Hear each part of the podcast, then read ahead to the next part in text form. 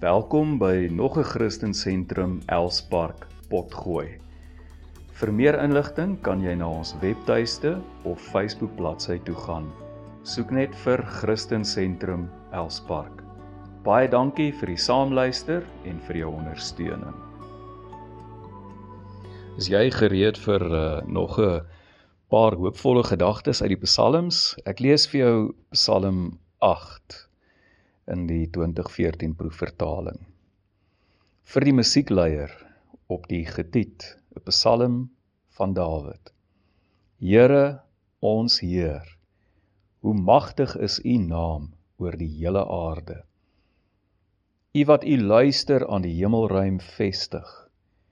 Met die stemme van kinders en suigelinge het U 'n vesting opgerig teen U teestanders om vyande en wraakgieriges te stuit. Wanneer ek na u hemelruim kyk, die werk van u vingers, die maan en die sterre wat u gevestig het, wat is 'n mens dat u hom in gedagte hou? 'n Mens se kind dat u aan hom aandag skenk. U het hom net minder as 'n god gemaak. U het hom met majesteit en glansrykheid gekroon. U laat hom heers oor die werk van u hande. U het alles onder sy voete geplaas. Al die klein vee en beeste, ja, selfs die diere van die veld, die voëls van die hemel en die visse van die see wat verbytrek op hulle roetes deur die oseane.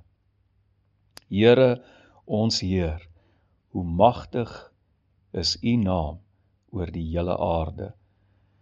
Nou hierdie Psalm as jy so vinnig deur hom kyk, um begin hy en eindig hy met feitelik dieselfde woorde. Uh vers 2: Here ons Heer, hoe magtig is U naam oor die hele aarde. En dan die laaste vers: Here ons Heer, hoe magtig is U naam oor die hele aarde. En hierdie woorde Here ons Heer is twee verskillende Hebreëse woorde. Die eerste Here is Jahwe. Met ander woorde, dis God se eie naam. Dit is uh die verbondsnaam van God, die God wat met ons in 'n verbond staan. En dan die tweede Heer is Adonai. Here ons Heer. En hierdie Adonai dui sy posisie aan. Ons kan amper van hom praat uh in hierdie verband as die allerhoogste God, die allerhoogste God met wie ek en jy in 'n verbond staan. En dan hierdie woorde, hoe magtig is u naam oor die hele aarde. En hierdie woorde omarm hierdie hele Psalm. En alles wat tussenin gebeur, gebeur binne die konteks van ons God wat die allerhoogste is, die verbondsgod is, die een met wie ons in 'n verbond staan en die een is wie se naam magtig oor die hele aarde is.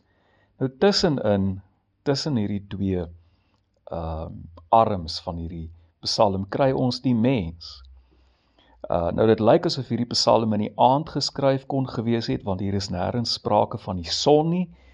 Ons uh ons hoor van die maan, ons hoor van die sterre, maar ons hoor niks van die son nie. So dit klink asof asof hierdie Psalm in die aand geskryf kon wees. Nou wanneer laas het jy so 'n bietjie in die nag uitgegaan buitentoe, veral as jy ver buite die stad dalk tussen die berge of in die veld is en jy kyk op en jy sien die uitspansel, veral as die maan dalk in die skyn, die ongelooflike hemelruim gevul met sterre. Dis so onsagwekkend, so geweldig, so geweldig groot. En dan besef ons, ja, die Here het al hierdie goed geskep. Hy's die skepper van hierdie heelal. En dan hierdie vraag, wat is ek as 'n mens dat U aan my dink? As ek dink aan my eie nietigheid, hoe klein ek is in vergelyking met hierdie groot heelal wat God geskep het waarvan ons nie eers die einde kan bereken nie die biljoene sterre sterre waarvan die son maar een is en ook maar 'n ou klein sterretjie is teen van die reuse wat daar buite in die hemelruim is. Hoe groot is hierdie geweldige skepping nie en hoe klein is ek en jy nie. En tog vra die psalmis dat die vra Here, hoe is dit dat U aan ons dink, aan ons, hierdie klein mens? Hoe is dit dat dat U aan ons dink, aan ons? En dan begin hy praat oor wie ons is. Dat God ons minder as 'n God gemaak het. Klein lettertjie God uit die aard van die saak. Ek dink die oorspronklike teks praat eerder van 'n goddelike wese. Jy kan selfs as jy dit in die Latynse, die Vulgaat uh of die die Septuaginta, skus tog wat die vertaling is wat die Nuwe Testamentiese skrywers gebruik het en wat in Hebreërs ter sprake kom, dan praat hy van U het ons weinig minder as die engele gemaak klein bietjie minder, net so klein bietjie minder as 'n goddelike wese het U ons gemaak. U het ons met majesteit gekroon en met glansrykheid en U het ons aangestel oor al die werke van U hande.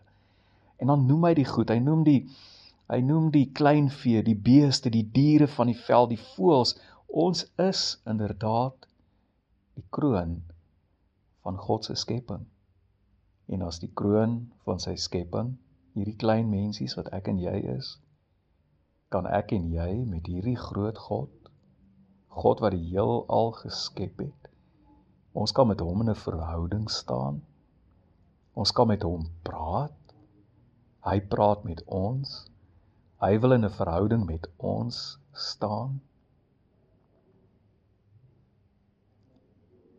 Mense het al gesê, "Sjoe, as ons kyk na Jesus se geboorte, dan dan moet daar mos waarheid wees in sterrevoorspellery. Uh die die uh uh mense wat baie keer in die stervoorspelkolomme gaan kyk wat is die sterteken waar waaronder hulle gebore is en dat dit bepalend is van hoe hulle lewens sal verloop en dan kyk hulle na Jesus se geboorte en dan sê hulle ja die posisie van die ster was bepalend vir Jesus se geboorte en vir sy lewe gewees.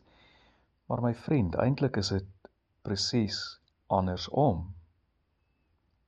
Dit was Jesus se posisie as mens wat bepalend was vir die posisie van die Bethlehem ster. Dit was toe Jesus aan die kruis gesterf het wat die son se strale uitgeblus is. Verstaan jy nou wie ek en jy is in God se oë, verstaan jy nou dat hierdie heelal ook maar in diens staan van God en ook jou en my wat na sy beeld geskep is. Ek dink dis die bekende uh, astronoom, Suid-Afrikaanse astronoom David Block wat gesê het dat hierdie heelal so groot moet wees soos wat hy is. Dat hierdie heelal so massief groot moet wees en so oud moet wees as wat die heelal is sodat ek en jy kan bestaan. As die heelal kleiner was, as hy enigsins jonger was as wat as wat die heelal op die oomblik was, sou jou en my lewe nie moontlik gewees het nie en skielik verdwyn die angs. Wie is ek in hierdie geweldige groot deel al? Wat is ek tog? Ou klein spikkeltjie, eintlik verdwyn ek in die grootheid van die heelal.